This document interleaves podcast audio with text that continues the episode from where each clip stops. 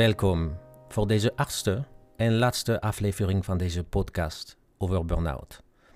En ontzettend bedankt voor alle mensen die het hebben geluisterd tot nu toe. We hebben in eerdere afleveringen gesproken over het ontstaan van een burn-out. De oorsprong, de oorzaken, de gevolgen daarvan, de trucjes die je gebruikt om het vol te houden, maar ook de manier om te herstellen. In deze laatste aflevering ga ik het hebben over hoe je kan zorgen tijdens of na je herstel dat je nooit terugvalt en nooit meer een burn-out hoeft mee te maken. Dat heeft voornamelijk te maken met het veranderen van gedachtepatroon, van valse overtuiging en gedragsschema's. En dit is misschien het belangrijkste onderdeel van deze podcast. En het gaat eigenlijk veel verder dan het thema burn-out. Want het gaat namelijk om nooit meer afstand te nemen van wie je echt bent. En als herstellen in eerste instantie op nummer 1 moet staan, is het leren om jezelf te zien in een andere licht, meer naar je eigen behoeftes te durven luisteren en je volledig accepteren met alles wat in jou speelt, de eindelijke doel. Om mijn eigen voorbeeld te nemen, bij mijn eerste burn-out heb ik zelf de fout gemaakt om mijn herstel als enige doel te zien. In mijn hoofd speelde namelijk alleen de volgende gedachte. Zodra ik beter ben, kan ik vrolijk verder, zoals ik deed. Fout, uiteraard. Inmiddels weet ik het beter en dat is ook wat ik vandaag met jou wil delen. Het goed nieuws over patroon doorbreken is dat het gaat voornamelijk over je interne dialoog. Je hebt dus niks anders of niemand anders nodig dan jezelf om je leven makkelijker te maken. Het slecht nieuws is dat het vraagt veel oefening en doorzettingvermogen om iets te veranderen dat bij jou waarschijnlijk al zo lang geankerd is. Veel mensen met een burn-out hebben te maken met wat ik eigenlijk noem de superheld-syndroom. In andere woorden, ze doen alles, en dat heb ik zelf ook gedaan, om de wereld te redden, mensen te pleasen, anderen niet teleur te stellen, perfect willen zijn, enzovoort. En wij, jullie, worden ontzettend geliefd daar, daarvoor. En daardoor wordt ook steeds meer van ons verwacht. Totdat we zelf gevangen raken in de altijd klaar voor anderen rol. Maar de vraag is eigenlijk, wie kent echt de persoon achter de masker en de cape? Maar wie houdt van de echte jij? Uh, eigenlijk de Peter Parker achter Spider-Man. En ik denk oprecht dat de grootste drama van ons leven is om van gehouden te zijn voor wie we niet zijn. En dat is voor alle mensen met een burn-out, denk ik, heel herkenbaar. Maar laten we nu concreet zijn met de volgende voorbeeld. Tijdens een, van mijn uh, coaching sessie. En het is een vrij lang voorbeeld, maar die illustreert heel goed wat jij zelf ook waarschijnlijk kent. Ik had toen een gesprek met Wendy en uh, ze zat met het volgende, ze vertelde me het volgende verhaal, waar ze op dat moment worstelde. Ze was op haar werk, ze was op haar werk en haar baas vroeg haar uh, of ze een extra project kon oppakken, omdat een van haar collega's ziek was. Nou, de eerste reactie die ze had, de superheldin-reactie, was om te zeggen: Ja, natuurlijk. Voor wanneer moet het klaar zijn? Oh, vrijdag? Nou, dat is best snel, maar ja, ik ga mijn best doen. Haar baas zei op dat moment: Top, laat me weten wanneer het klaar is. Ik moet het ook naar de directie sturen. En op dat moment gebeurde iets bij Wendy. Want ze had al zo druk, ze ervoer al veel stress. En ze wilde zeker niet extra werk op zich nemen. En ze was eigenlijk in haar gedacht ook klaar met die cholera in kwestie. Want nu moest ze haar probleem uh, en het probleem van de baas gaan oplossen. En toch, op dat moment koos zij uh, om dit gevoel volledig te negeren. En ze gaf de voorrang aan de streng, de perfectionist, de pleaser stem in haar. Er volgde een gesprek tussen ons uh, daarover, met, met vragen vooral aan mijn kant over de reden waarom, waarom ze eigenlijk die keuze had gemaakt om toch die project op te pakken. En er kwamen antwoorden zoals: Ik wil anderen niet teleurstellen. Ik wil laten zien uh, dat ik het aan kan, enzovoort. En alle antwoorden die ze had, waren in ieder geval gericht naar de buitenwereld, naar het bedrijf, haar baas, de collega, maar zeker niet naar haar toe. En als je dat hoort, en op afstand is het natuurlijk heel makkelijk te zeggen dat ze het anders had moeten doen. Maar waarschijnlijk maak je jezelf ook vaak te makkelijk concessies. En ik deed in ieder geval niks anders, jarenlang. Aan het eind van onze sessie um, was de opdracht voor uh, Wendy om de volgende dag terug naar haar baas te gaan met als doel dat ze die extra project eigenlijk niet ging doen. Niet omdat ik zelf vond dat ze dat niet moest doen, maar omdat zij eigenlijk van binnen overtuigd dat ze dat niet wilde. Dat, dat voelde ze heel erg. En dat was natuurlijk erg spannend voor haar en confronterend. Maar ze zei dat ze klaar voor was. En de volgende dag ontstond uh, de volgende dialoog tussen Wendy en haar baas. En nogmaals geef ik dat als voorbeeld omdat het heel interessant is om te zien wat gebeurt in ons op dat moment. Wendy dus ging naar haar baas en ze zei, nou, ik heb, heel, ik heb goed over nagedacht, over de opdracht die je me gisteren gaf. En eigenlijk is het een beetje te veel. Nou, op zich zou je kunnen denken, dat is een prima opening, maar wel een beetje aan de voorzichtige kant, waardoor de baas nog steeds heel veel ruimte had um, om haar, haar punt te maken. In dit geval een alternatief had kunnen zijn, ik kom terug op je nieuwe opdracht van gisteren, ik heb erover nagedacht, en het gaat me eigenlijk niet lukken om die te combineren met mijn andere werkzaamheden. Want ik zit nu op dat moment, uh, ik zit op, op dit moment vol. Uh, ik heb amp, amper de overzicht over alle taken die ik heb. Laat staan een extra project erbij. En het zou dus niet alleen onrustig voor het project zijn, maar vooral ook ongezond voor mij. Dit is een veel duidelijkere manier om je punt te maken. Om in ieder geval veel minder ruimte te geven aan de anderen om jouw grens te negeren. Op dat moment, uh, de baas, en dat is ook waarschijnlijk herken herkenbaar, reageerde als volgt. Uh, ja, hartstikke goed, maar dat is een beetje laat eigenlijk, want gisteren heb je ingestemd op dat project en nu heb ik dat al intern gecommuniceerd. Nou, wat gebeurt op dat moment? De baas spreekt de schuldgevoelens aan van Wendy en leert de druk bij haar. Dat is natuurlijk een hele egoïstisch gedrag, maar dat is wat een baas uh, doet of een bedrijf. En de baas denkt eigenlijk alleen aan haar eigen probleem, die uh, op dit moment uh, misschien niet meer opgelost gaat worden. Ze ringen als voor door te zeggen, zelf de directie is nu op de hoogte dat jij de project ging doen en ze waren trouwens heel blij dat jij dat ging doen. Dus op dat moment wat gebeurt, ze maakt de opening steeds kleiner voor Wendy. En ze speelt niet alleen over, op de, in op de schuldgevoelens, maar ook op de trots van, eh, van iemand anders, van Wendy in dit geval. En ze negeert volledig wat Wendy eigenlijk aangeeft. En ze spreekt eigenlijk rechtstreeks naar de superheldin Wendy, die altijd ja heeft gezegd. Want dat is de imago dat Wendy aan iedereen heeft gegeven. Ze komt wel met een soort van een oplossing door te zeggen, nou, je kan aan uh, Sylvie vragen, andere collega van Wendy, om je te helpen met je andere activiteit. Dan heb je meer ruimte voor dit project. Het is toch opgelost zo? Dus zogenaamd op die manier gaat je baas eigenlijk meedenken door een oplossing eh, voor te dragen. En door zogenaamd te zeggen, ik denk ook met je mee. Is dat echt zo? Nou, zo voelt het eigenlijk niet echt.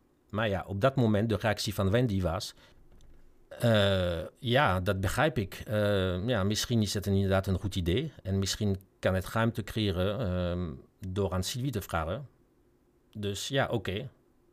Eigenlijk wat Wendy op, Wendy op dat moment heel snel denkt, is: ik heb geprobeerd Ik heb mijn punt geprobeerd te maken, maar dat is niet helemaal gelukt. Maar misschien moet ik ook niet verder pushen. Ik wil niet de moeilijke uh, medewerker zijn. Maar wacht eventjes hier, want de alternatief, die veel gezonder zou zijn op dat moment, is eigenlijk niet gelijk een antwoord geven. Gewoon een paar seconden uh, nemen om na te denken. En als Wendy dat had gedaan, had ze gehoord waar de gedachten op dat moment bij haar en de gevoelens vooral waren. En de gedachten waren eigenlijk geweest, dat heb ik dus met Wendy achteraf gesproken, naar mijn collega Sylvie, die me zou moeten helpen, is eigenlijk altijd chagrijn. En ze zit bovendien waarschijnlijk niet op te wachten op een extra opdracht. En ze wordt waarschijnlijk ook boos op mij nog. Ook als het niet mijn idee is. En trouwens, ze zou ook een puin opmaken van mijn andere takken. En ik heb daar geen zin in. En dat project wil ik sowieso niet. Het gaat me veel te veel stress geven. De deadline is te dichtbij. Ze lopen al achter, zoals altijd. En nu moet ik dat gewoon oplossen.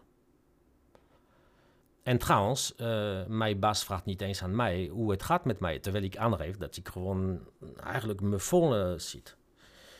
Wat, wat had dat op dit moment Wendy kunnen zeggen als alternatief, um, was eigenlijk vrij simpel. Ze had kunnen zeggen, nou, het is inderdaad jammer dat het nu al intern is gecommuniceerd. In andere woorden, dit, dit is niet mijn schuld. Um, en gisteren werd ik een beetje overrompeld door je vraag. En het is een goede les voor mij voor de volgende keer. Dus op dat moment dat je dus aangegeven dat gaat veranderen. En tegen, tegen de baas had ze ook kunnen zeggen, nou, zoals je weet wil ik altijd het best voor de organisatie. Maar daarom zeg ik ook te vaak snel, te vaak en te snel ja. En nu laat je op dat moment dus zien dat je wel inzet hebt voor, de, voor het bedrijf, maar je laat ook duidelijk zien dat je uh, grenzen hebt en jouw grenzen wil bewaken. En Wendy had uh, vervolgens uh, verder kunnen gaan door te zeggen: Ja, nu merk ik aan alles in mij dat dit project eigenlijk te veel is. Het idee levert me al stress op.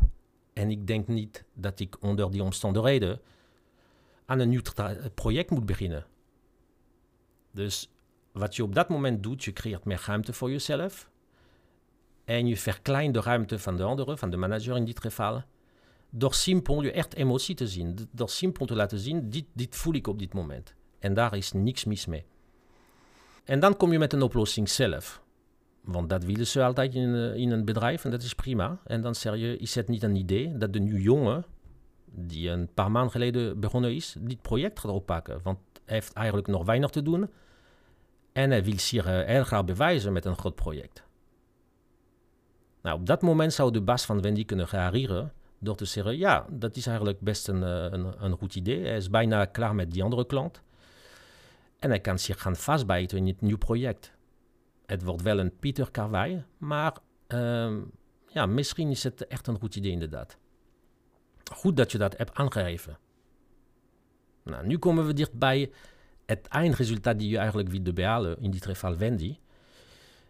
Alleen op dat moment zal misschien andere gedachten bij uh, Wendy of bij, bij jou komen. En dat is namelijk de gedachten die door je hero worden gebracht. En Wendy had kunnen denken in dit geval.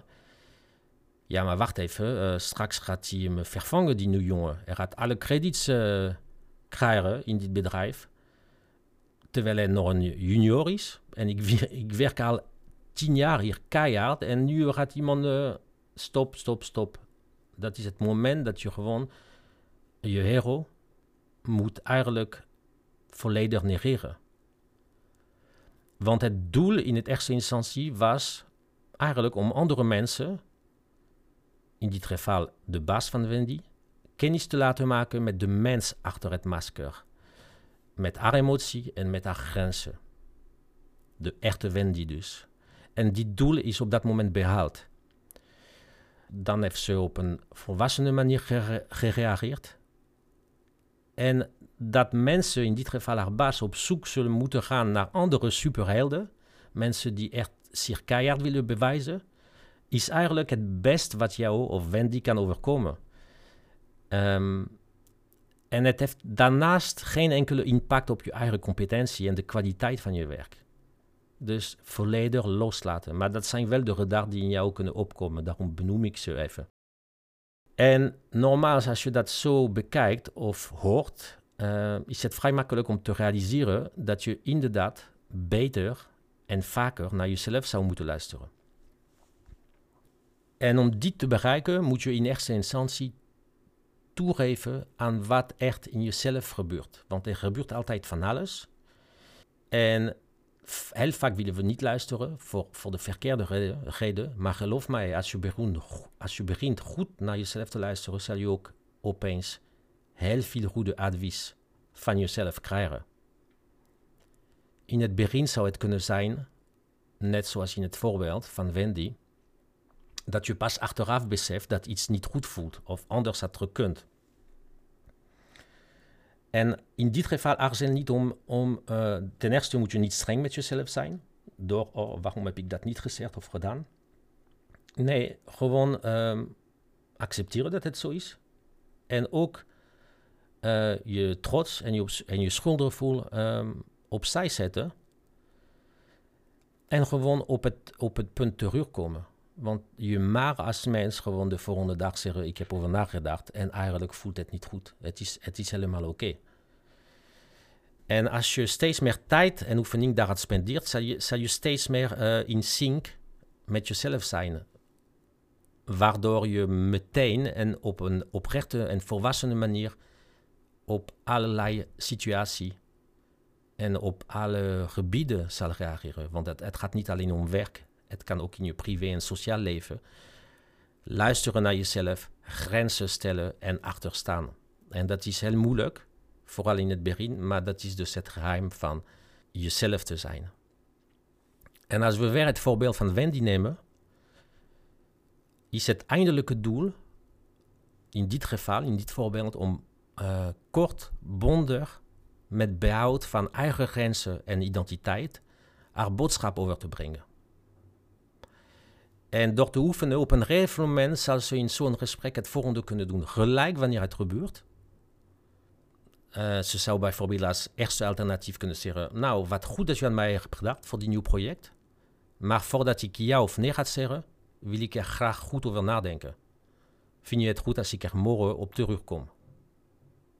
Op dat moment, als je dat doet, hou, hou je de ruimte voor jezelf. En je bent professioneel. Uh, je laat zien dat je over wie nadenken. Er is niks mis mee. En dan heb je echt de tijd om te kijken wat voel ik precies. Dat is alternatief 1. Met de tijd en met het oefenen zal je merken dat je eigenlijk niet eens de tijd nodig hebt om na te denken, want je voelt gelijk wat je eigenlijk uh, moet doen in zo'n situatie. Waardoor de tweede alternatief zou kunnen zijn in die situatie. Nou, ik vind het echt leuk dat je aan mij gedacht hebt voor dit nieuw project. Maar het is op dit moment uh, niet te combineren met mijn andere werkzaamheden. En ik denk dat het zo, zo, zowel voor het succes van het project als voor mijn eigen gezondheid beter als iemand anders het oppakt. En uiteraard, naar zo'n uh, uitspraak kan je reactie verwachten van je baas, maar dan moet je wel besloten van tevoren hebben in je hoofd ik ga niet afwijken van mijn gevoel. En mijn gevoel zegt, dit moet ik niet doen. En als je dat heel sterk in je gevoel hebt, dan ga je je doel in zo'n gesprek uh, halen. En er zijn uiteraard heel veel nog opties, um, wat, je, wat Wendy had kunnen zeggen in dit, in dit geval. Maar het geheim ligt in het volgende. Doordat je gelijk luistert naar je emotie, wat je lichaam en geest op dat moment zeggen, voorkom jij dat je later emotioneel gaat reageren. Want een emotionele reactie komt namelijk juist door opgekropte emoties. Dus beter om te ventileren en gelijk te zeggen wat voel ik, wat wil ik bereiken, dan niks zeggen dagenlang, wekenlang, maandenlang, want dat is voor jou niet gezond. En uiteindelijk, uiteindelijk komt het uit op een manier bij die andere die, die je ook niet wil. Dan wordt het veel te emotioneel. En als je boos wordt of gefrustreerd wordt op een bepaald moment, of misschien moet huilen, is het altijd een goede indicatie dat je in eerste instantie langs de lijn hebt gestaan en niet genoeg naar jezelf hebt geluisterd. En praktisch voor jou de eerste stap eigenlijk is is niet gelijk om iets mee te doen met je emotie. Dus niet gelijk je gedrag aan te passen. Maar steeds meer en steeds vaker inchecken wat een bepaalde situatie met je doet. En wanneer je die observatie onder de knie gaat krijgen, kan je dus naar de volgende stap en dat is dus je gedrag op aanpassen. Zodat de gedrag die je uit komt volledig overeen met wat je voelt. En dat geeft zoveel rust en zoveel lucht in je leven. Dat is dus echt de moeite waard om de, de tijd en energie in te investeren om dat te oefenen. Nou, we weten inmiddels dat je gedachten en je gedrag vaak komen van een diep oorsprong. In je jeugd, je ouders, maakt niet uit wat. Het kan een trauma zijn. Wat de resultaat daarvan is, is dat het heeft je vertrouwen in jezelf laten wankelen langs de weg. Want eigenlijk alles wat je doet in het leven heeft te maken met vertrouwen in jezelf. Maar ik wil je vragen om vanaf nu oprecht te kijken hoe mooi jij bent als persoon. En dit is geen vage, vage New Age uh, of uh, psychologisch uh, iets wat ik je nu wil geven. Dit is wat ik 100% in geloof nadat ik zoveel mensen heb gesproken met een burn-out. Allemaal stuk voor stuk. Heel mooie mensen die eigenlijk geen enkele reden hebben om niet te laten zien aan de wereld wie ze echt zijn. En toch deden ze dat allemaal, waardoor je op een gegeven moment burn-out raakt. En als ik jouw missie vanaf nu moet definiëren, het moet eigenlijk tweedelig zijn. Ten eerste, hou van jezelf. Echt. Want je verdient het zo erg en laat de tijd van jezelf straffen, jezelf pijn doen achter jou. Wees simpel overtuigd van je waarde voor ons, voor de wereld om je heen. Echt. En ten tweede, laat je vooral zien voor wie je echt bent. Met de risico dat je mensen gaat verliezen in je leven. Maar ook en vooral de kans om een diepere band met anderen te gaan creëren. Want het is echt tijd nu om je superhelden kostuum in de kast te leren. En om deze podcast te eindigen, wil ik je bedanken, echt bedanken voor de tijd die je genomen hebt om die podcast te luisteren. Ook alle mooie berichten en complimenten die ik gekregen heb. En uiteraard, het streelt mij heel. Het doet me goed. Het helpt me om door te gaan. Uh, maar nog belangrijker is dat het hopelijk uh, mensen heb kunnen helpen. En het is belangrijk om te melden dat die podcast eigenlijk geen enkele um, commerciële propositie heeft. Um, dit is eigenlijk een simpel cadeau van mij naar jou.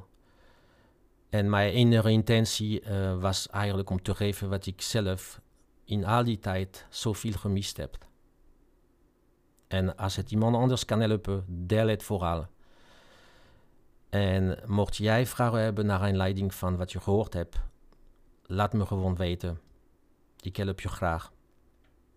En voor nu wens ik jullie een hele mooie dag, een mooie week en vooral een luchtige leven waar jij de muziek die jij nu hebt met de wereld gaat delen. Dank je wel.